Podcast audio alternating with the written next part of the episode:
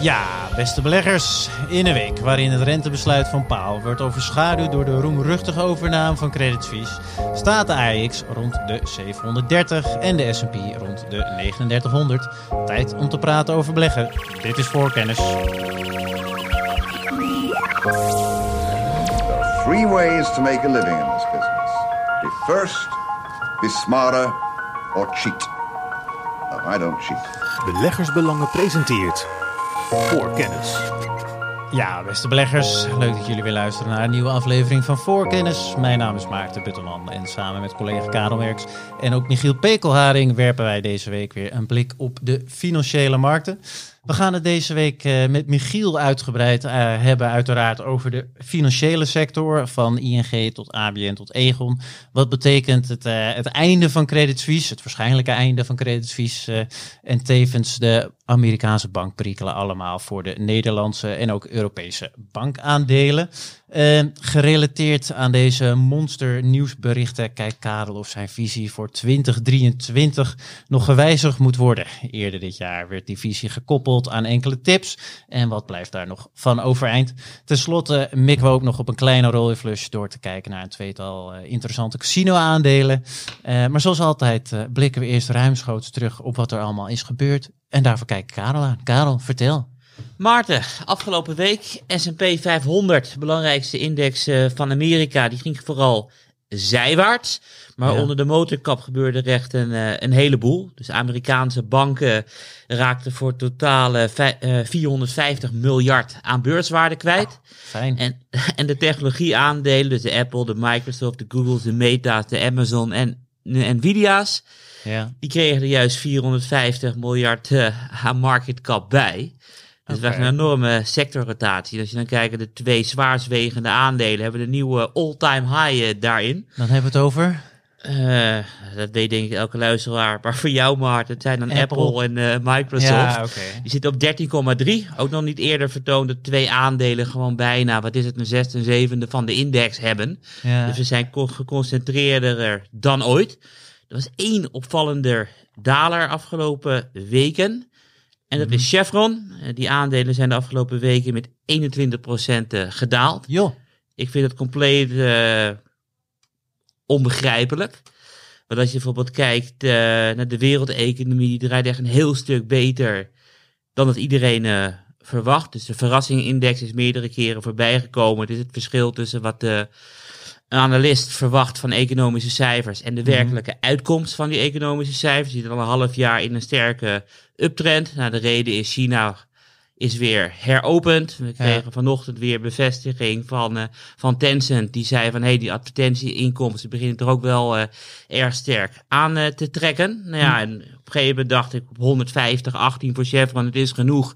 Ik ook voor mijn eigen privéportefeuille nog een aantal stukjes bij. Oké. Okay. Dus uh, ben is benieuwd. specifiek voor Chevron of zijn de Exxon Ik wou net zeggen, van deze wereld het- ook uh, En de totals. Ja, de- allemaal. eh, maar ja, Chevron zit ik eh, het beste in. Ja. Volg ik eh, volg het goed. beste, ja. En zij zijn echt eh, het duidelijkst in van eh, fossiele brandstof eh, is onze core business. Die zullen de komende tientallen jaren niet weggaan. Dus wij zitten daar volop in. Dus bij mij lijkt dat de ideale kandidaat om in te spelen op een herstel van de eh, Chinese economie. Gelukkig gingen andere aandelen afgelopen week wel goed.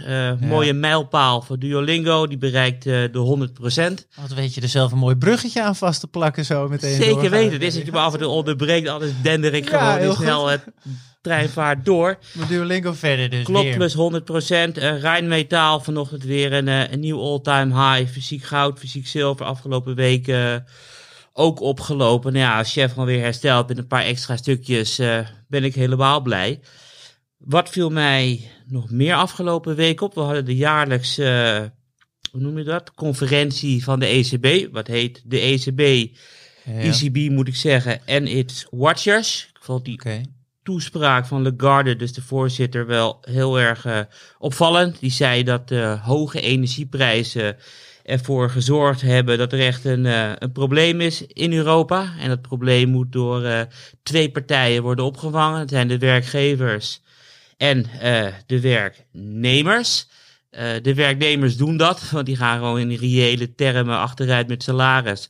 Maar werkgevers doen dat dus niet, want die hebben hun marge zien, eh, zien toenemen juist de afgelopen tijd. Die Ja. is al op recordhoogte. Klopt, klopt. En dat is niet de bedoeling, want we moeten de lasten gezamenlijk eh, dragen. Dus die marge van het Europese bedrijfsleven moet gewoon eh, naar beneden. Ja, dat- Stellig overigens. eh, ja, dat nee, een heel stellig. Maar, maar dat bijna niemand zegt, heeft dat erover. Terwijl Nee. marge een van de heel hoog gecorreleerd is met koers-winstverhoudingen. Dus hoe hoger de marge, hoe hoger de koers-winstverhoudingen kunnen zijn. Lagarde zegt van, er moet gewoon wat aan gedaan worden. En niemand Ah. pakt het op. Ik denk, ik zat zo naar te luisteren. Ik denk, wat is dit? Ja, Ja, dat we- lijkt me ook. Ja, Absoluut. eh, Maar dit, is, dit speelt toch ook in de VS speelt het volgens mij nog veel sterker. Daar die winstmarge die is, is- zit ook op een recordniveau, ondanks alles wat er gebeurd is.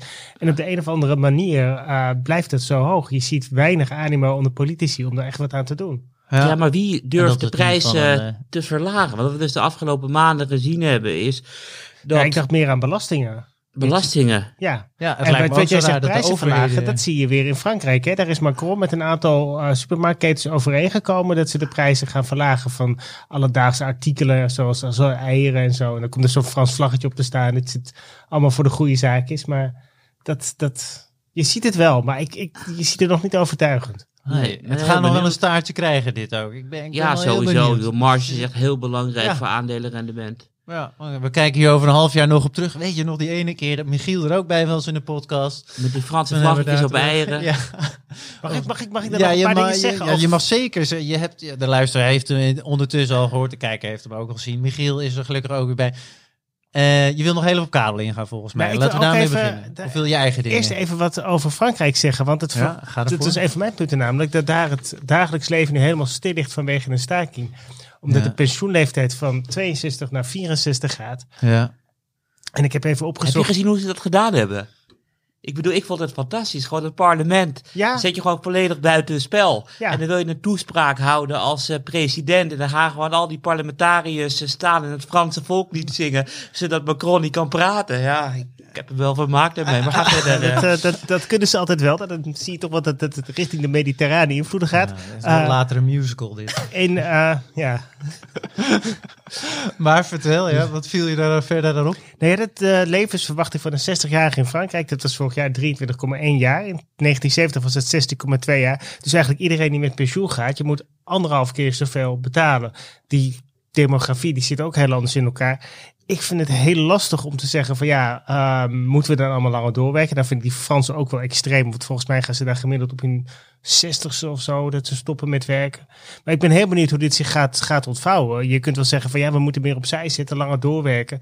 Het zou mij niks verbazen als we later terugkijken en denken van ja, eh, misschien was de arbeidsproductiviteitsverbetering die we dan gaan doormaken, was dat de sleutel voor, voor alle problemen waar we tegenaan zitten. Oké.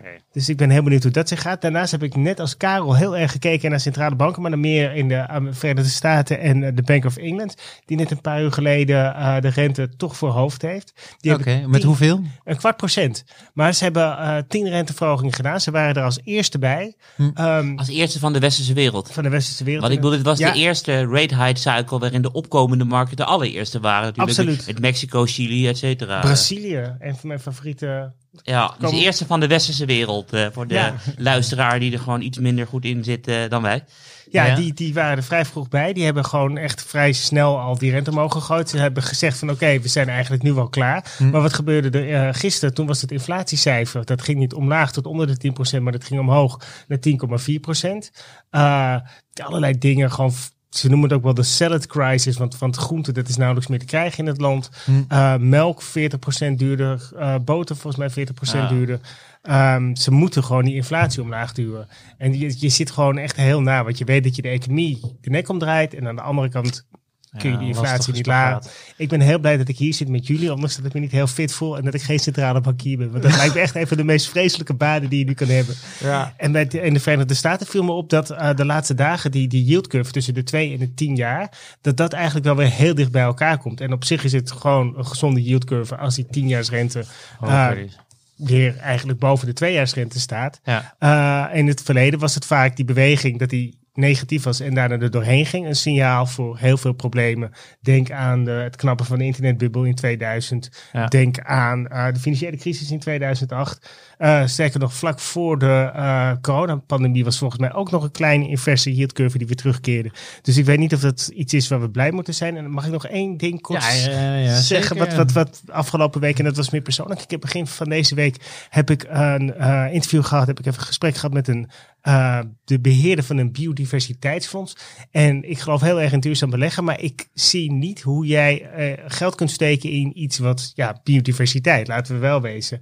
CO2, dat laat zich makkelijker meten. En hij zei wel een paar dingen waar ik wat optimistischer over word, dat we dat in de toekomst wel kunnen doen. En het is gewoon, ja, de, de manier waarop hij dat doet, waarop eh, dat nu gebeurt, is een vrij holistische benadering. Ze kijken dan van, oké, ehm 90% van het biodiversiteitsverlies wordt veroorzaakt door alle dingen die we uit de grond halen. Of het dan erts is, of het olie is, of chevron van jou.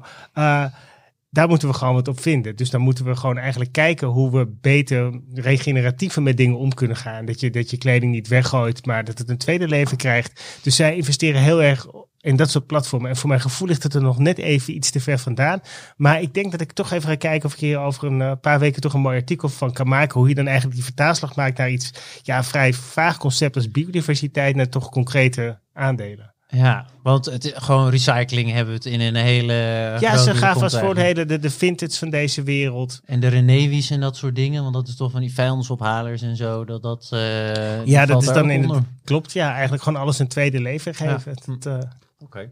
Prima. Daar komen we nog een artikeltje, blijkbaar met een paar weken in beleggersbelangen ja, wie weet terug. even kijken of ik eh, nog wat mensen hierover kan spreken. Maar ik vind oké. het ik, het- een van de dingen die ik nog moeilijk vind om zelf die vertaalslag te maken. Want laten we wel wezen, CO2, er, er zijn handelssystemen, er, hangt een prijskaartje aan. Meer concreet dan dat is het niet. En eh, ik hoor heel vaak dat dat voor biodiversiteit ook gaat komen. Sterker nog, je hebt die COP15 gehad, die bijeenkomst. En daar hebben ze gezegd dat 30% van onze planeet als het ware beschermd gebied gaat worden. Dus de regelgeving die gaat er komen, net zoals het bij CO2 gebeurd is. Maar ja, hoe ga je dat verder aanvliegen? Maar gaan we ons ook houden aan die regelgeving? Ja, wij, en, en de wij- reden waarom ik het vraag... wij in Nederland wel. Wij in we Nederland. Kijk naar Schiphol. Kijk naar die CO2. Ja, ja, ja, maar ik bedoel, we hebben natuurlijk een, eh, een partij die in de provincies aan de macht is gekomen. Die zegt van ja, we hoeven niet naar Brussel te luisteren. We kunnen ze gewoon negeren. En wat later onze stikstofdoelstellingen halen. Ja. Ik ben heel nieuwsgierig hoe de wereld omgaat met dat soort protesten op het moment dat politieke partijen worden gekozen die het allemaal veel te snel vinden gaan. Ja, maar ik denk dat dat ook wel typisch is in, in eh, de westerse wereld op dit moment. Dat iedereen niet zei van wacht even, dit is mijn wereld niet meer. En dat dat een universeel gevoel van onbehagen is. En ik weet niet, niet of dat representatief is voor de, voor de huidige... Ja, ik denk dat stikstofcrisis dus meer een soort van verschijnsel is. Iets is waar die onvrede aan opgehangen wordt. En dat het echt... eh, Het blijft een tweestrijd die nog wel lange tijd eh, zal spelen, denk ik. Maar we hebben wel al gezien dat Chevron deze week 21% daalde na Ja. het epische interview. Ja, klopt. En nog een Nee, kleine toevoeging bij eh. Michiel. Laatste, Hij dan wil gaan we geen verder. voorzitter zijn van de centrale bank, maar hij had het net over eh, de Fed. En daar zit natuurlijk wel een, een voorzitter die het gewoon voor zijn plezier doet. Want meneer Powell heeft meer dan 100 miljoen eh, privévermogen. Dus hij doet het waarschijnlijk omdat hij het leuk vindt. En als laatste Ah, nog een geen belangenverstellingen. Kijk, en dan laatst nog een kleine toevoeging. We hadden vandaag ook eh, dubbele renteverhoging uit Zwitserland. Dus daar is 50 basispunten op de rente gekomen. Oké, mooi eh, eind. We gaan nog heel snel naar het blad. Oké, heel kort. Jullie hebben allebei vast weer een stukje geschreven voor beleggersbelang, zoals elke week. Karel, waar heb jij over geschreven? Ik ben in Chinese aandelen gedoken. En ik bedoel meer specifiek Chinese bankaandelen. Want die laten precies de tegenovergestelde beweging zien eh, als Europese en eh, Amerikaanse banken. Ja. Dus afgelopen jaar eh, redelijk zijwaarts. Nou ja, je ziet al die Amerikaanse banken de afgelopen week eh, ja, flink naar beneden duiken. En die KBWX-index zat geloof ik 30% lager. En de Chinese aandelenbanken zijn juist de afgelopen weken sterk gestegen. Pittige Met, beweging met 10 à inderdaad. 20 procent. En de reden is, eh, ja, China is weer open. Ze hoeven minder eh, eigen vermogen aan te houden, de Chinese banken. Waardoor ze met een grotere hefboom kunnen gaan werken. En er worden renteverlagingen ingeprijsd. Ja. Dus die bewegingen, die grafiek vind ik wel leuk. Maar die gaan dus gewoon eh, tot afgelopen maand redelijk gelijk En de rest van de wereld naar beneden en Ja. China omhoog. Dus ik Ja. vond het een mooie grafiek om te zien. Ik vond het leuk om daar eh, even ingedoken te zijn. We zetten hem, eh, het artikel eh, in de show notes. Omwille van de tijd. Jij het ook nog eh, beleggen in Zuid-Amerika. Wat En, grappig, want ik heb inderdaad ook één bank aangeraden daar. Simpelweg omdat ze in een heel andere cyclus zitten dan de Europese bank. Ik heb Itaú aangeraden samen met Aeropuerto del Pacifico. Zenders Niet allemaal noemen Ja. natuurlijk. hè. Ja, de luisteraars moeten nog een abonnement afsluiten ook. Nou, dan, dan kan, ik, kan ik mooi terugkomen. Want we hebben, zaten hier op 24 november, zoals je misschien nog weet. Toen had ik het ook over Latijns-Amerikaanse aandelen. Wat is daarmee gebeurd? Ik heb het over de grootste koperproducent ter wereld gehad. Southern Copper, die staat 24,8% hoger inmiddels. Mercado Libre, de Amazon van Oh. Latijns-Amerika, is 25,5% hoger. En de eh Grupo Aeroporto del Centro Norte, een achterblijver, slechts 20,1% hoger. Dus het is gewoon, het is een fantastisch continent. Ik blijf het herhalen. Eh, kijk ook naar Latijns-Amerika. Dit is 5% van de wereldeconomie. Bij de meeste mensen is het 0% of 1% van de portefeuille. Zou meer moeten zijn. Absoluut. Maar ik wil wel, Karel, ik wil ook jij- positief jij- iets jij zeggen en negatief iets. Ja? Het positiefste is, is dat ik heb, eh, ik volg Mexico al een tijdje. Ja. Ehm, en Mexico heeft de afgelopen twee jaar de best presterende munt wereldwijd eh, gehad. En dat komt omdat eh, de centrale bank weet hoe je inflatie moet bestrijden. Want de inflatie is daar 8% en de rente staat op 11%. Dus ze hebben daar gewoon een positieve rente. De aandelen zijn ook over de afgelopen twee jaar met 50% gestegen. We ook tot de beste aandelen wereldwijd. En ze voeren echt een veel degelijker financieel beleid dan Europa en de Verenigde Staten. Dat vind ik heel erg positief. Agressiever. Ja, Qua dus gewoon zeggen van ja. inflatie bestrijden we door de rente boven de inflatie te brengen. En in Europa zitten wij nog steeds met onder. Inflatie natuurlijk in Kijk, en Zuid-Amerika dan in eh Klopt, Europa. wat we dus eerst zagen, is dat eerst ging de Fed verhogen en volgde de rest van de wereld. En we zeiden vijf minuutjes geleden dat dit de eerste rate hike cycle was, waarbij opkomende markten beginnen en de rest. En Mexico is leidend en de rendementen zijn... loopt er niet veel verder, verder, verder achteraan. Ja, maar dan klopt. kijk je En de- Chili komt daar weer achteraan. Maar wat ik dus heel negatief vind, is eh, hoe ze zich gedragen op het geopolitieke vlak. Want ik bedoel, Mexico heeft gezegd van ja, wij zijn neutraal in het conflict in Oekraïne. We gaan dus niks negatiefs zeggen eh, over Rusland. We willen neutraal blijven. Eh, en dat vind ik op zich wel opvallend. Want nu zie je de wereld net als in tijden van de Koude Oorlog in twee blokken vallen. Dus ik bedoel, we hadden afgelopen week natuurlijk Xi die op bezoek kwam bij Poetin. Xi heeft het voor elkaar gekregen dat eh Saoedi-Arabië en Iran weer op het hoogste niveau met elkaar eh, aan het praten zijn. En China heeft heel veel leningen uitgezet in, in Zuid-Amerika. Ja, en op niet het alleen moment... Zuid-Amerika, die hele nieuwe zijderoute, joh. Gewoon Afrika is ook half Chinees. Oh ja, nee, Ja, maar het is- precies. het is- Ik bedoel, Afrika veroordeelt, meerdere landen veroordelen ook niet het conflict. Kijk, en Zuid-Afrika we hebben gezien oefening dus doen met Rusland. wat er kan gebeuren op het moment dat dingen escaleren. eh, dan heb je een probleem. Dus de vraag is, wil ik mijn geld belegd hebben in het blok waarin ik zelf woon? Ah, of wil ik ook geld Mexico hebben in een blok dat zegt van hallo, eh, ik, ik voel me wel als Zuid-Afrika en China en Iran, Saoedi-Arabië en dergelijke. En die ontwikkelingen vind ik niet fijn gaan. Want Mexico eh, zei bijvoorbeeld ook van, we zijn gewoon, we veroordelen de Verenigde Staten omdat ze wapens leveren aan de Oekraïne. Dat is agressiviteit. En wij veroordelen ook Europa. Wat, wat Europa doet, kan echt niet. Want zij hebben bijvoorbeeld Russian Today geblokkeerd. En je kan dus niet zeggen dat je een democratie bent en bepaalde media dingen blokkeren. Die, die, die, dat vind ik gewoon eng. Dat, ja, nee, De, dat is de een- vraag is, een wil ik mijn eigen geld daarin hebben? Dus ik ben er heel erg over aan het Ik aan denk het dat als het echt puntje bij paaltje komt, dat Mexico toch eieren voor zijn geld kiest. Denk ik ook. Ligt nog naast Amerika ook. Die zijn toch best wel... Dat is toch veel extreem afhankelijk. economische Kijk wat er gebeurt met het nearshoring. Die, die handel met de Verenigde Staten, dat boomt. Dus ik denk echt dat het vooral mooie taal is. Ik denk niet... Ja, ik kan me prima voorstellen dat ze zich afzijdig houden. Dat ze ook iets hebben van, we hebben helemaal geen zin om hier tussen te gaan zitten. En dat, dat begrijp ik. Ja, ja, maar op een gegeven moment, kijk, het probleem is een beetje, Amerika zegt ook, Laatste je bent dan gaan we voor verder. ons of je bent, bent tegen ons. En wij worden in Europa ook onder druk gezet om eh ASML geen goederen aan China te laten leveren. En de vraag is een beetje, maar ja, waar gaat dit naartoe? Dus ik bedoel, ik hoop dat jij eh, is- eh, gelijk hebt en dat de wereld er mooi uitziet straks. Het is een onderdeel van een groter debat dit volgens mij. Dus moeten we nog een keer eh, zeker op terugkomen. En dat gaan we ook zeker doen. Ik zet de artikelen in de show notes. Voorkennis. Tijd voor het eerste hoofdonderwerp. Dat heeft dus eh, betrekking op de grootste perikelen in de financiële sector. Eh, eerst gingen de Amerikaanse regionale banken door de put heen. En vervolgens was het eh, in Europa Credit Suisse dat in negatieve zin meer dan de aandacht trok. Ehm, er is in een kleine maand slechts heel veel gebeurd binnen de financiële sector. Aandelen zoals AIG en ABN gingen van ruime rendementen naar toch een grote minnen toe. En tevens gingen ook koop- en houtadviezen naar verkopen toe. En dus nodigen wij onze financiële specialist uit, zelfs als die snot verkouden is, om de nodige duiding te geven. Michiel die, eh, stelt dat eh, de verzekeraars nu een eh, aantrekkelijkere belegging bieden dan de Nederlandse bank. In ieder geval, Michiel, vertel, misschien is het even handig om nog een kleine tijdlijn in- eh Ja, door we te beginnen nemen. dan op, op 8 maart. En de- toen Ja. Kwamen de problemen bij Silicon Valley Bank aan, eh, aan het licht. Wat is daar gebeurd? Eh, die bank heeft een paar hele goede jaren gehad. Heel veel instroom, lage rente, goede aandelenmarkten. Ze zitten, nou, zoals de naam al doet vermoeden, in Silicon Valley. Ze hebben veel geld opgehaald. eh althans, de, de, de bedrijven die klant zijn, hebben veel geld opgehaald op de beurs. Hetzelfde met die investeerders die daar zitten. Die hebben veel geld opgehaald bij de beurs via leningen.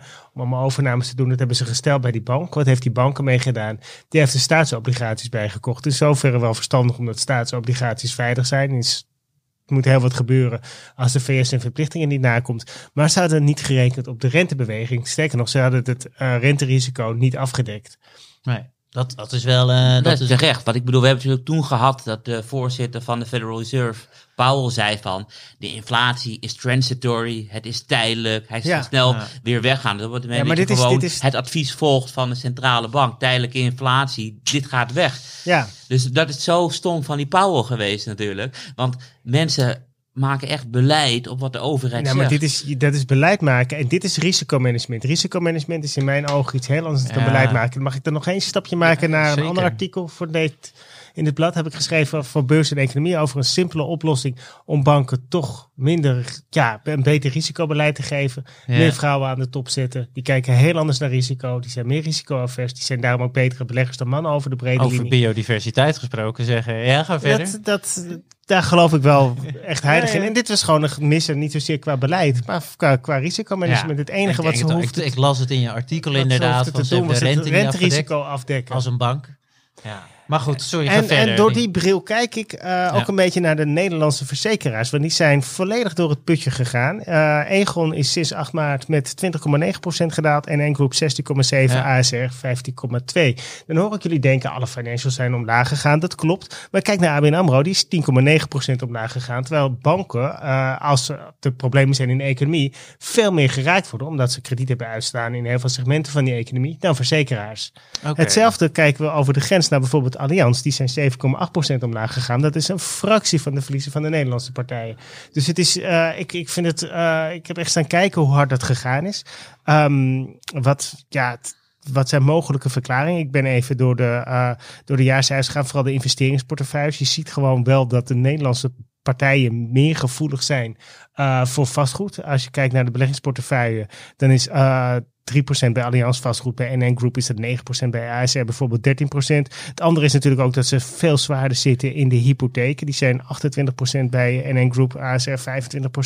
Dus die, die beleggingsportefeuilles die zien er heel anders uit. En als je dan kijkt naar de rendementen van die beleggingsportefeuilles, dan snap ik dat mensen zich nou, best wel schikken. Punt is alleen, die cijfers die zijn eh, eerder naar buiten gekomen. Bijvoorbeeld half februari had iedereen al kunnen zien dat NN Group vorig jaar 14 miljard euro verloren heeft op obligaties. Dat de totale beleggingsportefeuille van ASR eh, vorig jaar met 11,3% gedaald is naar 50,8 mi- eh, miljard. Eh, en dat, of naar 39,4 miljard. En eh, natuurlijk schrik je je rot als die bedragen zo omlaag gaan. Mhm. Er is een eh, heel groot verschil tussen een bank als Silicon Valley Bank, die in staatsobligaties belegt, en eh, verzekeraars. Want wat die doen is eigenlijk hun toekomstige verplichtingen, daar zetten ze beleggingen tegenover. Zij hoeven die beleggingen niet te komen tot op het verkopen, tot op het moment dat ze hun verplichting moeten nakomen. Dus zolang die lening eh, van de Nederlandse staat, als de Nederlandse staat die lening nog altijd op de einddatum volledig aflost, Ja. dan hebben die verzekeraars geen probleem. En waarom hebben de banken dat wel? Omdat de banken bij Silicon Valley Bank, daar werden de eh, klanten die werden ongerust. Die dachten van wacht even. Ah, oké. Ze hebben gigantische manier. ongerealiseerde Ja. verliezen op de balans staan. Als ik mijn geld wil ophalen, dan kunnen ze misschien niet aan het geld komen. Dus ik haal mijn geld er nu af. En dat zeg ik ook tegen mijn vriendjes, dat die hun geld alvast afhalen. En die Ja, want ook- dat was ook een ding. er- Maar het in grootste vriendje was dat natuurlijk, de, we kennen allemaal Pieter Thiel. Ja, Die heeft gezegd van, Maar hij heeft ik, haal, ik haal mijn geld weg. Dus ik zou, ik zou het ook maar doen. Om Ja. het, even, het staat hier op Bloomberg TV, hè? hij heeft persoonlijk had hij zijn geld nog laten staan. Wat ik wel weer netjes vond. En uiteindelijk heeft de Ja. Federal Reserve heeft, die heeft gewoon een eh, soort van doek eraf gelegd. Die hebben gezegd van wij garanderen alles. Dat is wel slim overigens. Ja, dat dat je wil geen- echt Want het anders, risico er zijn meer banken die dezelfde problemen hebben als eh, Silicon Valley, alleen niet in die mate. Niet alle banken hadden zo'n grote instroom van ja, investeerders en eh, high-tech bedrijven als Silicon Valley had. Ja. En niet iedereen heeft zijn vermogen zo riskant belegd zoals Silicon Valley. ja. Maar ik, kijk, ik ben zelf ben ik heel erg negatief. Want ik bedoel, je moet maar even zeggen waar ik ernaast zit, Michiel. Ehm, ik heb het gevoel ehm, dat deze bankencrisis nog veel verder eh, gaat escaleren. En, en, en de reden daarvan is, eh, in de Verenigde Staten heb je zogenaamde money market funds. Dat zijn Ja. hele liquide eh, fondsen. Eh, de rente daarvan is op dit moment, ik heb even vanochtend gekeken, 4,45 procent. De gemiddelde, Wat, eh, wat, wat is het precies? Money gewoon een korte termijn eh, staatsobligaties. Ah, Dan oké. heb je een fonds en dan koop je een korte termijn staatsobligaties. En Ja. die zijn zo kort en zo liquide dat het volgens de boekhoudkundige methode als cash eh, gerekend mag worden. is gewoon een spaarrekening. Alleen het, is het- hardst, het ongeveer het veiligste wat er is. Ja. En toen eh, Lehman omviel en de money market funds eronder waren, kwamen, broke the buck, zo te zeggen. Ja. Dat was echt een van de grootste Klopt. schokmomenten in de financiële wereld. Klopt, maar dat is dan, daar kunnen we ook een uur over praten. Alleen die rente staat nu op eh, 4,45 Dat is toch bizar hoog dan? Als het de veiligste... Nee, dat is niet bizar hoog. Nee? want ik Nee, bedoel, de het de meest veilige in de Verenigde Staten is de Amerikaanse overheid. Ja. En die biedt gewoon kortlopend schuldpapier aan van 4,45 procent. Want de rente is heel hard opgelopen. Als je kijkt naar de Fed, de Fed bepaalt niet de lange rente. De Fed betaalt, Ja, de bepaalt de overnight rente. Dat is rente eh, voor één dag. En die is verhoogd naar, naar 4,75 of zo. Dus het is helemaal niet zo gek dat gewoon een spaarrente nu 4,5 is. Alleen mijn punt is, Ja.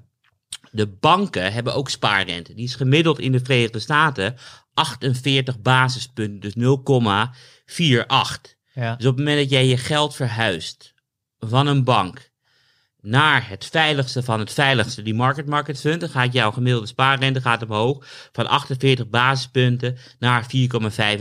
En volgens sommige berekeningen is gewoon de afgelopen week is gewoon 100 miljard aan spaargeld verplaatst van spaarbankboekjes naar die market fund. En Jij dat bent is bang dat de banken geen geld meer eh, daardoor... Nou, de banken die moeten gewoon een hogere rente. eh, Klopt, Ja, klopt. dat sowieso. Dus De bedoel, marktwerking dit is is- kapot. Dus er kunnen maar drie dingen gebeuren in mijn mening. Eh, de spaarrente gaat eh, niet omhoog. Hm. Het gevolg is dus eh, dat er meer spaargeld weg wordt getrokken en er gewoon steeds meer banken in de problemen zullen vallen. Want op het moment dat je meer dan 250.000 dollar hebt, dan loont het ook nog een keertje om 400 basispunten extra rendement te behalen. Dat geld wordt Dat is gewoon de grens weggetrokken. van het depositogarantiestelsel Ja. in de VS. Ja, dus zegt. de banken zullen dan langzaam doodbloeden. Ja. Nou ja, gisteren hebben we alweer gehoord dat niet al het spaargeld wordt eh, eh, verzekerd. Dus ik bedoel, dit zal gewoon doorgaan. Oftewel, de bankcrisis wordt erger. We hebben ook nog een tweede optie. De spaarrente wordt verhoogd van A- 48 basispunten naar 4, eh 5 procent. Ja, wat gebeurt er dan met de winstgevendheid van de bank? Die hebben helemaal een mega groot probleem. En dalende winstgevendheid zorgt dat die aandelen ook naar beneden gaan. Of we gaan voor optie nummer drie. De, de rente van de market money fund moet gewoon sterk naar beneden. Hoe doe je dat? Door eh, meerdere renteverlagingen. Doe je dit met een kerninflatie van 6%. kan nooit. Dan krijgen we net als in de jaren 10, jaren 40 en jaren 70 een tweede inflatiegolf die ook gewoon weer op dubbel digit uitkomt. Dus ik bedoel, pick your poison. Wat, wat mis ik, Michiel? Waarom is het leven mooier dan ik het voorstel? Ik ben heel benieuwd hoeveel mensen, hoeveel Amerikanen zelf hun eh, vermogen zo in zo'n money market fund zouden zetten. Ik denk dat het geld meer sticky is dan je denkt. Afgelopen denk week, wel, hoogste ja. week hè, met 100 miljard. En ja maar nooit er is, eerder er, er is ook wel wat gebeurd, laten we wel wezen. En ik denk dat het, Ja. ik vind het, ben het wel met je eens. Bij die lokale Amerikaanse banken, het is een soort van Wild West show geworden. Die grote Amerikaanse systeembanken, die zijn goed gereguleerd. De, de, de, wat, wat daaronder zit. Het is onwijs gelobbyd om die... Ja, ja, je hebt 250 miljard balans totaal is de grens. En die Silicon Valley Bank heeft dus gelobbyd van, we Ja. willen dus geen regulering. In Europa is het veel strenger. Ja, dan dat- moet, je, moet je altijd een stresstest doen. Ja. En zij bleven eronder. Zij En daar- maar je hebt veel meer banken die eronder bleven. Zijn er heel het is echt schokkend hoe Het groot die niks- banken zijn. Want wat ik dus niet wist, wat ik afgelopen week ben achtergekomen, is dus dat Silicon Valley Bank groter is dan Credit Suisse Ja, qua market cap. Ja, oké. Nou- maar Credit Suisse heeft zoveel ingeleverd in de beurs. Nee, maar ik bedoel, het is toch, het was een bank van 40 miljard market cap vorig jaar. Hè? Ik bedoel, ja maar je hebt, je hebt dan, je- heel dan wat... zit Je je, hebt nu al in de top van de AX als je dat qua bedrijf, dat heet het regionaal bankje. Ja, we hebben heel veel van die regionale bankjes in de VS. Tientallen. We gaan Californië nu- is eh, aan zich toch ook een belachelijk grote economie. Volgens mij is dat, eh, Dat- dat- als zichzelf Frankrijk. de zesde of de zevende economie van de wereld. Ja. als het een Ja. Kijk, en, ik zat vanochtend even te kijken in Europa. Want heel ik bedoel, kort, ja, hoe we we altijd, terug naar hoe we- Europa hoe we naar dat Nederland altijd doen is, als de zwakke broeder is omgevallen, Credit Suisse, dan gaan we kijken naar de ene zwakste broeder. En dat is Deutsche Bank. En vandaag zie je ook gewoon die CDS'en weer oplopen. En een CDS is een verzekering op, op wanbetaling. Bekend van 2008. Ja, Ja, maar die beginnen nu dus op te lopen. Dus we, beginnen ons nu zorgen te maken over Deutsche Bank. Nou ja, wat gebeurt er dus op het moment dat we dus twee basispunten, twee, eh, 50 basispunten erbij hebben gehad in Zwitserland, 50 basispunten erbij gehad hebben in Europa, 25 basispunten erbij hebben gehad in de UK en in de Verenigde Staten. Dan worden die market money funds interessanter. Dus we Het geld krijgen, gaat steeds, weg bij de bank. we krijgen steeds meer incentive om het geld weg te halen bij banken. Ja. En als we ons zorgen maken, dan wordt die incentive ook nog een keertje. Maar dat- sluit je daar volledig bij en die, dat, dat sta je Wat- ook wat- achter. wat- Hoe kijk jij naar, Michiel? Wat, wat, wat eh, het belangrijkste punt wat Karel zegt was als laatste, als we ons zorgen maken. En dat is het punt. Zodra het vertrouwen weg is in die financiële sector, dan gaat het hard. Dan kan je als centrale bank heel weinig meer doen. Dat hebben we Ja. gezien. Want vlak voordat eh Credit Suisse omviel, is eh, de Zwitserse centrale bank daarachter gestaan. Die heeft gezegd, we hebben 50 miljard aan liquiditeit. En wij, Ja. wij garanderen dat. En dat was niet genoeg om die uitstroom te stoppen. Zodra je eenmaal zo'n zo'n outflow hebt, zodra het vertrouwen weg is, het kapitaal uit de bank stopt, dus je een bankrun krijgt, dan kan je eigenlijk als toezichthouder niks meer doen. En eh, ik ben het met Karel eens dat er, er gaan dingen knappen nog in het Ja, maar het lijkt wel. Wat ik, wil- wat ik dus nog nooit eerder Maar is dit- gezien heb. ook Als we, onderdeel- die 8 maart, die 8 maart waar jij het over had net.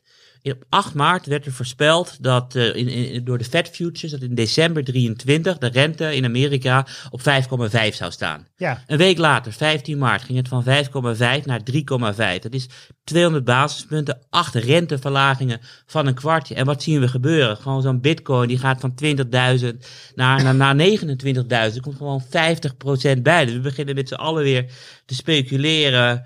Dat centrale banken Party liquiditeit like in, eh, ja, ja. party like it's 1999. ja. Alleen het probleem is, we hebben nu inflatie. En ik zelf baal al de stekker als ik zondag boodschappen aan het doen. Want ik denk van, ik heb niet eens zoveel gehaald. Maar ik heb Ja, het gevoel dat ik op dat is weekbasis... herkenbaar. En ik, ben- ik ben bang, eh, er, gaat, er gaan nog gewoon meer dingen knappen. Je kunt niet jarenlang de rente op 0% houden. Jij schrok net over, toen Karel zei hoe hoog de rente eh, bij die money eh, market funds was. Bizar. En dat, is, dat hebben we over, in Europa hebben we ook op 3% rente. Krijg je die 3% rente op jullie spaarrekening? Nee, ik- nee, helemaal niet. En eh. dit is precies, je ziet nu dat het gaat barsten in het systeem. En dit is een belangrijke reden waarom ik eh, samen met, met de onvoorspelbaarheid van kapitaalstromen en onzekerheid gewoon ABN AMRO en ING voor dit moment op verkopen heb gezet. Want dat is het. Het, wordt, het geld wordt ontrokken. Als ik dit hele pleidooi even gezamenlijk, los van de volatiliteit, maar Mhm. gewoon het geld wordt, gaat weg bij de mainstream banken. ja, Ja. En steeds sneller. En maar steeds dat, sneller. de, de, dat weet ik nog niet. Ik ben benieuwd. In ieder geval de afgelopen week was een, was een recordweek. Eh, we zien nu alweer die regionale banken onder druk staan. Eh, Die, eh, waar zijn de ik meeste... denk dat weinig kijkers die nu ook, of luisteraars, zullen zeggen van joh, ik heb eh, nog wat, de, mijn liquiditeiten staan op een bankrekening. Ja, maar Ik- wij, ik- wij leven wel in Nederland. Hè. Ik bedoel, Ja. eh, Nederland heeft één keer niet aan zijn verplichtingen gedaan. Dat is in 1810, toen Napoleon even langskwam. Oh ja, Het enige land wat, weet ik er, wat er beter voor staat is Zwitserland. Die heeft altijd aan zijn verplichtingen.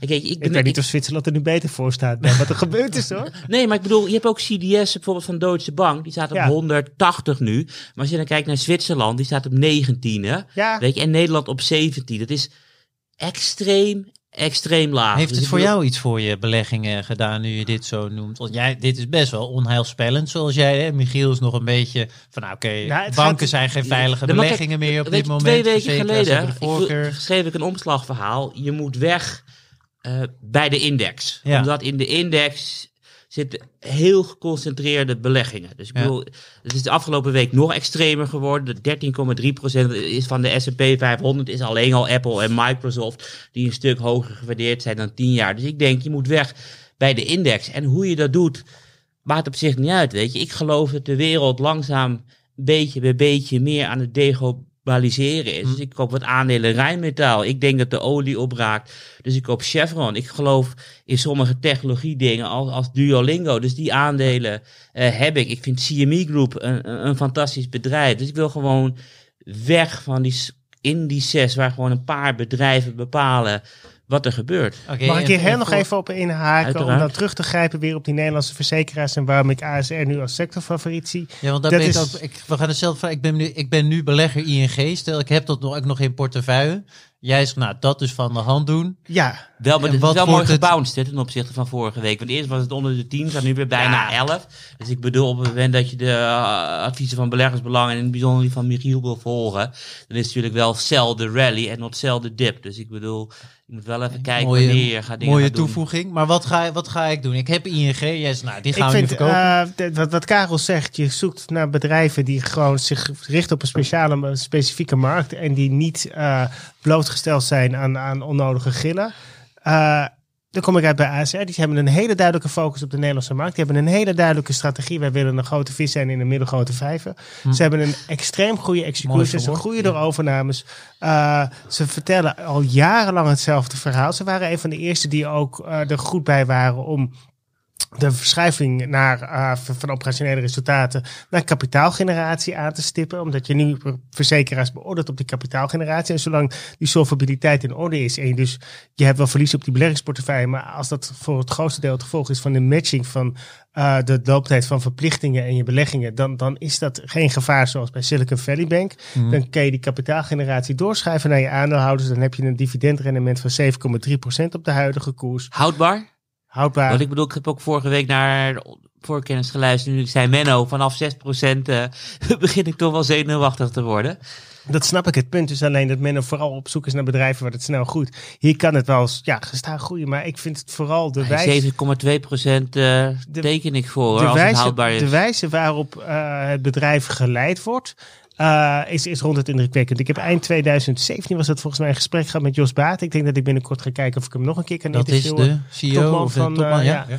Eh, de, de, de duidelijkheid, de, de, de koers en ook de invulling daarvan. Ehm, je loopt geen onnodige risico's in tegenstelling tot de volgende tip waar ik na het vraag van Karel opkom. Ik, eh, ik ga ze volgende week kopen. Ik vind deze dip, dat vind ik niet representatief voor, voor, voor het ASR. eh, Het is pittig afgekomen inderdaad. Ja. Alle, alle En verzekeraars het is dus ook weg van de index. Hè? Dus gewoon minder in ETF's Ja, nou, en dat meer is wel, dit wel, soort wel, pareltjes. wel in zoverre pech dat ASR net in de AX terechtgekomen is. Je kunt niet alles hebben, Karel. Maar, maar beter in de AX dan in de AMX, denk ik. Dan, dan wordt hij door meer bedrijven opgenomen, toch? Of ETF, eh, ETF's Ja, er zijn niet heel veel ETF's die de, het fondsvermogen dat Nee, nee, weinig, volgt is vrij klein. Ja, nou ja, Nederland is niet interessant genoeg. Maar goed, een mooi eh, alternatief dus eh, voor eh, ING. En we komen er ongetwijfeld eh, later nog op terug. Voor kennis. Want het volgende onderwerp eh, wacht. En eh, dat is ook een gevolg, of in ieder geval een mogelijk gevolg van alle perikelen in eh, de financiële sector. Die hebben Karel aan het denken gezet. Vandaar dat hij net ook al lekker mee kon praten in het, bij het vorige onderwerp. Begin januari schreef Karel een visie voor 2023 met een aantal verwachtingen en een aantal tips. En eh, ja, hij is toch wel benieuwd of al het nieuws van de afgelopen maand daar veranderingen heeft gebracht. Karel, aan jou het woord. Vertel. Ehm, waar zal ik eh, beginnen? Ja, Ja, is een hele een goede. artikel. Kijk, en ik heb ook al redelijk wat eh, verteld net. En Michiel heeft ook al redelijk wat eh weggemaaid.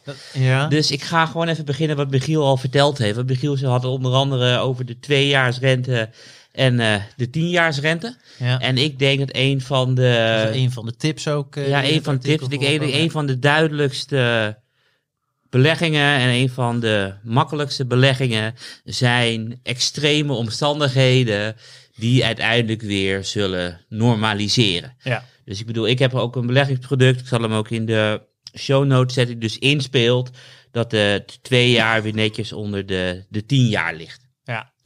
Uh, dus begin van het jaar uh, schreef ik van ja, het is mijn verwachting dat de centrale bank dit jaar gaat ophouden uh, met renteverhogingen. Ja, met het Ja. afremmen van de economie. Klopt, nou ja, dat wordt nu ook aangegeven in die Fed Futures dat dat gebeurd is. Mhm. Dus ik denk nu zeker dat die Stiepner een, een interessante product is.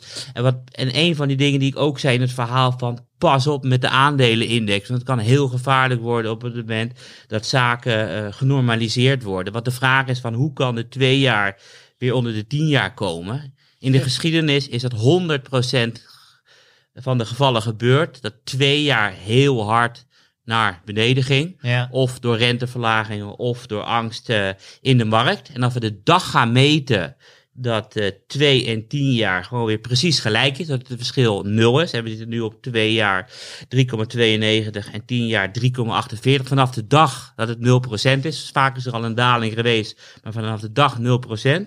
De, de laatste keren waren vanaf dat moment min 23% voor de S&P 500, min 44%, min 51%, min 26%, min 23%, min 40%. Pittig Dat is de maximum Ja, drawdown. je- vanaf dat moment. Ja. Ja. Weet je, en vaak is En het... nu? Dat zijn er nog we niet. We zijn er nog We niet. We zijn gaan- nog niet we bij. gaan ja. pas meten ja. vanaf, vanaf nul. eh. Dus we gaan pas meten vanaf nul. En eh, dan is er dus echt wat eh, aan de hand. Kijk, het- de enige theoretische manier, ik ken de voorbeelden niet vanaf 71, dat is ook nooit eerder gebeurd volgens mij, is dat gewoon niet twee jaar onder 10 zak, maar 10 boven de twee jaar. Maar ja, dat betekent dus dat de Verenigde Staten eh, de controle over de lange rente verliezen. Dat 10 gewoon omhoog spuit. Ja, dan heb je ook een heel groot probleem. Dus ik denk ergens Ja, hoe ga je gaan dit financieren? Precies, dus, dus de vraag is van... Waarom, waarom dat, die ging me iets te snel? Nou ja, kijk, eh, de Amerikaanse overheid financiert zich kort en lang. Kijk, op het moment Ja. dat de lange eh, boog gaat stijgen van 3 naar 4 naar 5 naar 6 naar 7... Hm. Ja, weet je, je hebt nu al dat de rentebetalingen bijna zoveel zijn als eh defensieuitgaven. Nou ja, de rente Ja. verdubbelt en je moet alles doorrollen, dan heb je gewoon een probleem. Dan moet je elke Ja. week het schuldplafond voor ogen. Ja, oké. Ja. Dus eh, dat vrees ik, dat moment. En niemand weet wanneer dat komt. Weet je, en, en sinds gisteren bekijken we alles weer positief. Wat reken maar uit wat 3,92 min 3,48 is. Er zit ruim 40 basispunten tussen. We zijn nog niet bij nul. Weet je. En dan hebben wij een heel groot probleem. Ja. Of dan net zo'n groot probleem als de, alle keren dat gebeurde Daarvoor, sinds 71 dat we de gouden standaard hebben eh, losgelaten. Dus ik heb een aantal beleggingen eh, geadviseerd. Eén is dus inspelen op het verschil dat kleiner wordt. Het zal altijd eh, gebeuren. Het enige wat je nodig hebt Ja, is, maar eh het kan is toch niet dat dit zo een no-brainer is? Het- Als dit zo, een- het is blijkbaar als ik het hoor, een no-brainer. Maar dan zou iedereen Nee. dit toch... Nee, wat de meeste mensen denken van, het interesseert me niet, ik ben een aandelenbelegger, mooie bedrijven zullen op lange termijn altijd omhoog gaan als de wind maar groeit. De meeste mensen vinden obligaties niet leuk, weet je. En ik denk van hoe breder je basis, hoe hoger je top kan zijn. Dus je moet je breed ontwikkelen. En die obligatiemarkt ehm, zegt wat er aan de hand is. Want de aandelenmarkt is groot. Mhm. Obligatiemarkt dat is groter. En wat is er nog groter is dan de obligatiemarkt? Inderdaad, de vastgoedmarkt. Dus, dus rente is gewoon heel ja. erg belangrijk. Dus de vraag is of het naar nul gaat. Dus ik zeg van ja, weet je, ik ben weg van die index. Omdat vanwege die bankcrisis die aan het ontsporen is, maar ook vanwege die yield curve die weer normaal zal gaan. Ja. Dus ik, dat lijkt me leuk. Maar ja, wat gebeurt er op het moment dat de yield curve weer normaal is? Ja, wat gebeurde er in, in, in 2020? Centrale bankenactie. De keer daarvoor was het eh, na Lehman 2008, centrale bankenactie. Daarvoor was het 2001. Een onverwachte rentestijging en de grootste stijging op één dag, bijna 20% eh, van de Nasdaq. Wanneer was het daarvoor? Eh, 1990 recessie. Ook voor de 87 crisis had je dat. Dus je vraag is een beetje, ehm, wat ga je doen? Dus ik zeg edelmetalen, omdat centrale bankacties wat gaan doen. Dus ik heb ook gezegd van ja, fysiek zilver is ook heel erg leuk om in de beleggingsportefeuille te hebben. Maar wacht even, want dat was jouw ding. Dus de economie gaat zo erg worden afgeremd tot op een gegeven moment het te hard is afgeremd dat er Nou, weer gestimuleerd wordt. Niet zozeer. En dan kom eh, je... Er is gewoon een schokmoment, als ik het goed begrijp. Er komt gewoon op enige wijze komt er een schokmoment. En Weet je, wat het doel Hmm. van centrale banken is niks anders dan eh, iets breken. Dat is het doel. Want ik bedoel, waarom verhoogt meerdere westerse centrale banken de rente? Omdat zij, zoals het Engelse mooi heet, demand destruction willen. Ze willen dat er minder vraag is in de economie. Is er minder vraag, dan daalt de inflatie. Hoe zorg je voor minder vraag? Door de huishoudens, bedrijven en de overheden er financieel slechter voor te laten staan. Hoe, hoe zorg je ervoor dat iedereen er slechter voor staat? Door de rente alsmaar te verhogen. Alleen het probleem is, het is niet zo, de rente verhoog je vandaag. Je ziet vandaag de effecten. Nee, een gemiddelde renteverlaging totdat die volledig is doorgewerkt in de economie, want mensen moeten hun leningen doorrollen, et cetera, et cetera, kan je 18 maanden verder zijn. Hè? Klaas Knot had het zelfs over twee jaar. Oké, 18, ma 18 maanden, 24 maanden. Weet je, ik geloof Klaas klopt meer dan mezelf. Dat laten we op 24 maanden zien. Kijk, en wat ook een probleem is, we hebben dus twee jaar lopen het achter. Straks komen er weer renteverlagingen. Dat werkt die andere kant op. En wat heel erg leuk is, eh dat raad ik echt elke luisteraar aan. En ook jou, Michiel en, eh, en Maarten. Ga een keertje naar het museum van de Bank of England. Daar heb je een, een luchtballon. En op het moment dat je gewoon wat lucht eh, in die ballon doet, dan gaat die ballon stijgen. En als je lucht eraf haalt, dan gaat die dalen. Dan heb je toch een twee grote bandbreedtes. En dat heet dus prijspeil. Daarboven is dus inflatie Ja. en daaronder is dus, dus deflatie. Alleen inderdaad, je hebt dus een vertraging van zes kwartalen of eh, acht kwartalen, hoeveel het ook is. Dus op een gegeven moment geef je dus gas en dan denk je, dan ga je dus die andere kant op. En die ballon begint steeds, die crasht altijd. Dus het is verschrikkelijk moeilijk. Wie had gedacht Wat- dat de luisteraars het beste advies dat ze ooit zouden luisteren bij voorkennis een reisadvies is? Het Nou, is leuk joh, het is echt leuk met die ballon. Nou snap je meteen waarom ik geen centrale bankdirecteur wil worden. Ja, ja, ja. ja. Oké. Hey, terug naar zilver, want daar kwam je dan op uit. Ja, wanneer waren de grootste prijsstijgingen van zilver? Nou ja, dat was onder andere vanaf maart 2020. Mega QE pakket. eh 2008 mega QE pakket. eh 2001 onverwachte renteverlagingen. Dus je wil gewoon in zilver zitten en in goud op het moment dat eh, we gaan stimuleren. Ja, En helemaal op het dat- moment dat er gestimuleerd gaat worden vanaf hoge inflatieniveaus. En qua timing dan? Want ik hoor net eh, Je moet 18 maanden, 24 maanden. Dat- is, is dat dan, hè? Want dat is een... eh, Maar dat is dus afremming. Hè? Kijk, en het lastige is, als je dan kijkt naar die beleggingen. Ik bedoel, ik heb ze allemaal privé ook. Hoe moet ik erbij zeggen? Doen ze het helemaal, eh, ze doen het gewoon slecht.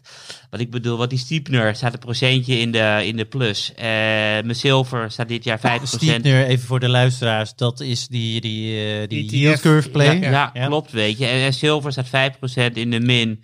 Weet je, en mijn grondstoffen staan 8% in de min. Dus dit moet wel, ehm, weet je, het verhaal klopt. Ja. Alleen wat we dus nu weer zien, er is vertrouwen Ja, gekomen maar- door de centrale banken, vertrouwen gekomen eh, door UBS. Het is wel iets van, van meerdere maanden waar, we, waar ik wat van verwacht. En Ja. het probleem is van, hoe ga je timen? Weet je, ik wil weg bij die index, dat vind ik eng. En daarom heb ik allemaal van dit soort eh, alternatieve eh, beleggingen. Voor een klein stukje van je, de en het moet portefeuille wel, eh, het, moet, het moet eh, wel werken. Ja, Weet je, en als we straks, eh, ja, hier wonder boven wonder, er gebeurt helemaal niks. kan ook ja, maar dat is natuurlijk. het punt met timing. Je moet altijd of een koersdoel noemen of een moment en niet allebei. Nee, maar ja, kijk, ik vertel wat ik, wat ik zelf doe. Ja, Weet je, en, en sommige dingen gaan dus heel erg goed. Als mijn Duolingo en mijn Rijnmetaal en mijn CME Group. En sommige dingen werken nog niet. Heel even, want je kwam net ook al, grondstoffen, valt daar Ja. jou voor zilver ook onder? Of is daar nog een Nee, apart... gewoon eh, echt eh, de, de Bloomberg eh, Commodity Index. En de hoofdreden is China. Ik bedoel, de grootste grondstofimporteur ter wereld. Ja, eh, China heeft nog zwaardere lockdowns gehad dan wij hier in het Westen. Hm. Consumenten hebben even eh, ruim de helft van hun eh, inkomen hebben ze in 2022 gespaard. Ja, we hebben gezien hoe hard de economie in Europa en in de Verenigde Staten aantrok. Nadat we open gingen, gewoon economische groei in, in dubbele cijfers. ja. Weet je, en China begint nu ook aan te trekken. We zagen het dus eerst in de strategische olievoorraden in China die aan het dalen zijn. Nu hebben we Tencent die zegt van ja, die advertenties beginnen echt eh, sterk aan te trekken. We hadden dus eh, die Maar toch reserve... staat hij wel lager volgens mij, de Bloomberg Commodity ook. eh, Dat zei ik net. Ik zei eh, 8% ben ik kwijt dit jaar in deze ja, maar je zou denken dat er dan al op voor uitgespeeld wordt. Nee, nee, mensen zijn ook nu angstig voor wat er in Amerika en Europa gebeurt. Want de gedachte is van een bankencrisis leidt, leidt tot een recessie. In een recessie willen wij geen olie hebben. Nee. Alleen het probleem is een beetje, in 2008 eh, hadden we opeens veel te veel olie. En de vraag is, hoe is het nu? Weet je, in 2008 koelde de wereld synchroon af. Nu trekt China sterk aan. Ja. En we hebben gezien bij eh, bedrijven zoals LVMH wat voor gevolgen dat eh, kan hebben. als All-time China high, trekt, grootste bedrijf van Europa, de enige Europese bedrijf die in de top 10 staat. Dus het is heel mooi aandeel eh, om te volgen. En de enige aandeel dat ik volg met een topman die geen Engels kan. Kijk eens aan. Of althans, hij, hij, wil in, hij doet het in het Frans en het wordt daar gesynchroniseerd. Eh, ik bedoel, daar verbaas ik me ook over dat die gasten denken dat ze het middelpunt van de wereld zijn met het Frans. Schitterend. Mooie taal, joh. Hey, we, we komen erop terug. Ik zal voor de luisteraars zetten het originele artikel in de show notes. We gaan nog even verder naar eh, de casino-aandelen. Voor kennis. Het laatste onderwerp van vandaag. Oh, Michiel eh, die mailde eerder deze week. Nou ja, ik ben nog wel een interessante sector tegengekomen. En daar kwamen ook een paar aandelen voor die ik toch onder aandacht wilde brengen. Maar om te beginnen, ja, beleggen in, in, in casinos. Hoe ben je erbij gekomen? überhaupt? Dit is wel, wel leuk. Ik ga er straks één aandeel noemen, niet twee. één was Eentje toch ook- niet goed. voldoende achter. Ik, eh, bij de school waar mijn kinderen op zitten, daar wordt elk jaar carnaval gevierd. En eh, in groep 7 en 8 hebben ze dan een soort van casino waar de kinderen allemaal spelletjes kunnen doen. Mhm. En ik had iets van, ik kom een dag helpen. Dus ik zat daar en ik eh, zat aan de blackjack tafel. En ik was begonnen met 50 fiches. en er komen wat van die kinderen en die komen er spelen. En ik heb, je hebt gewoon een vaste strategie. En het- ik begon met 50 fiches en bij de koffiepauze had ik er 85. Toen heb ik er 35 weggebracht. Dus zat ik weer met 50 fiches. Krijg je daar geld Zijn- voor? Nee, nee, nee. Het is gewoon, gewoon leuk om daar te zitten. Die om, denkt eh, waar beursanalisten hun geld vandaan halen. Basisscholen, dames en heren. wat denk je? Die tweede ronde had ik, had ik gewoon weer 85 fiches. Toen dacht ik van, wat is dit een fantastisch concept eigenlijk. En eigenlijk, nou, ik ben- wel heel erg duurzaam. Er komen nog wel wat duurzame dingen terug. Maar eh, ik ben toch wel even gaan kijken naar die, die, die, die gokhuizen eigenlijk. Naar Ja. de casino's. En ik ben uitgekomen bij één bedrijf. Dat is eh, Las Vegas Sands. Ja. En zoals de naam doet vermoeden, zitten die volledig in Zuidoost-Azië. Eh, de inkomsten komen voor een derde uit Singapore en voor twee derde uit Macau, waar eh, Karel over kan Oh ja, ik, ik denk, je maakt nog een geintje, maar... die- Nee, joh, ik bedoel, hij Nee, ze zijn in de serieus, achter- eh. 88 toen ze opgericht werden, zijn ze wel in de Verenigde Staten. Maar je merkt dat die Amerikaanse gokmarkt, en daar ben ik ook een beetje huiverig over, eh, best wel eh, opgaat nu aan eh, online spelletjes en online gokken. wat Ja, heel dat erg wilde ik. Dat nog daar. een van de vragen die ik... Dus daarom ben ik uitgeweken naar En de Azië. aandelenmarkt natuurlijk. Ja, Want ik bedoel, we hebben nu... eh, er worden meer, de beleggen. 80% van de opties loopt de afgelopen week af. En de helft loopt morgen af. Ja, Maar dat is een ander verhaal. dat is een ander verhaal. Game- ja. verder, GameStop. Michiel. En, maar goed, daar, daar, daar ben ik uitgekomen in Azië. En dat, Hoeveel was het? eh, Hoeveel Singapore, hoeveel China, zei je net? dat is een derde Singapore, het is twee derde Macau. En Oké, dat was het voordat eh, die coronacrisis losbarstte. Want laten we wel wezen, eh, het aantal bezoekers van Macau, dat vertoonde een mooie stijgende lijn tot eind, ja, gewoon halverwege 2019.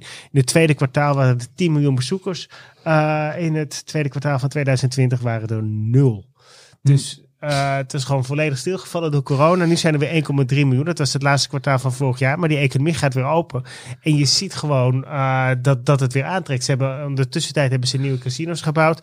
Desondanks hebben ze nog best wel een goede netto schuldpositie. Dat is 8,5 miljard. Ongeveer 2,5 maal de EBITDA. Eh, maar eh, Is dat een mooie... Stefan zou zeggen, ik wil onder de twee. Oké. dat, dat komt, dat komt, want ze hebben nog, als, als het zoals het zich nu uittekent open blijft en de nieuwe vestigingen gaan draaien, dan hebben ze volgend jaar een vrije kaststroom van 3 miljard. Ja, oké. dat is 14 maal bevrijd. Dan kan je die, Onder moeilijke economische omstandigheden dan duur je die, de verhouding. die, die, Ja. schuld- die schuldpositie onder de 6 miljard. Dan hou je geld over om weer dividend uit te gaan keren, wat ze tot 2020 ook gedaan hebben. Uh, ze hebben echt oog voor beleggers. En ehm, ja, ze, ze hebben ook wel iets duurzaams, want uh, ze bouwen allemaal nieuwe gebouwen en die doen, voldoen allemaal aan uh, de, de, de LEED-certificaten die worden uitgegeven. En daarom hebben ze zelfs ook een plaats in de Dow Jones Sustainability Index. Ze doen ook volgens ook niet alleen casino's, ze hebben ook hotelkamers, Maar ze conferenties. hebben notering in Amerika. Ja, ja. Oké, dus Ze worden verhandeld onder de tikke LVS op de New York Stock Exchange. Want hoeveel, daar was ik benieuwd naar met name. Want dit is ook gewoon voor een heel groot deel een, een, uh, een stukje toerisme dat je Absoluut, opneemt. most- Hoeveel is, komt daadwerkelijk van uh, ja, ja, handel, spelinkomsten, zeg maar, van zo'n bedrijf versus bijvoorbeeld uh, het de hotelverhuur, evenementen, conferences, noem het allemaal maar op. Dat, dat, dat wisselt heel Ja. Sterk. Zeker het laatste kwartaal toen met name aan de VIP-tafels wat minder werd ingezet. Uiteindelijk is wel ruim de helft van de inkomsten gewoon afkomstig uit het eh, casino. Simpelweg omdat die marge zo hoog is. Daar kan ik naar mijn schoolervaring over meepraten. en eh, ja, je, je, het is natuurlijk wel eh, enigszins riskant omdat je in, in China zit. Je hebt niet dezelfde regelgeving die wij hier hebben. Er kan van alles en nog wat gebeuren. Dus het is Ook echt een een... ik echt had daar Maar, maar heb jij ooit, daar worstel ik dus mee. Ehm, je kan dus geen. China heeft een apart financieel systeem. Het Westen ook. Dus ik bedoel, een, een yuan die je in China verdient, kan je niet uitkeren ergens anders in de wereld. Dan moet er gewoon in China blijven. Ja, daarom zijn ze ook aan het investeren. Je hebt wel een deel wat je terug kunt halen. Ja, maar je hebt er geen conversiemogelijkheden. Het is toch. Voor, voor bedrijven, zeker Macau, wat je dan als eh, apart... Kan je wel District alles uit China gewoon halen, ondanks Is dat het het een stuk makkelijker dan het mainland China daar. Maar het is van die, Oké. hetzelfde met Hongkong. Oh, Macau is ook nog een. Ja, ja. Aparte staat. ja. Dat komt er niet voor niks. Ja, ja, ja. Dus het is niet. eh rijken willen wel plezier hebben. er is, er een reden dat hij niet in Peking staat of Shanghai. Nee. Dit- Ja, ja, nee, nee, oké. echt, het, het zijn ook echt die Nee, nee, maar uit China kan je het niet halen, maar wel uit Hongkong en Macau. Eh. het zou me sowieso voor de sector is overheidsingrijpen en regelgeving. het politiek risico is significant. Maar de dingen ook, de, de cultuur is anders. Als je ook ziet die protserigheid waar die gebouwen mee gebouwd zijn. Ze hebben de, de, de Houses of Parliament met de Big Ben hebben ze gewoon allemaal nagebouwd daar. Het is, eh, het is een heel andere blijkbaar. wereld waar wij, waar wij zitten.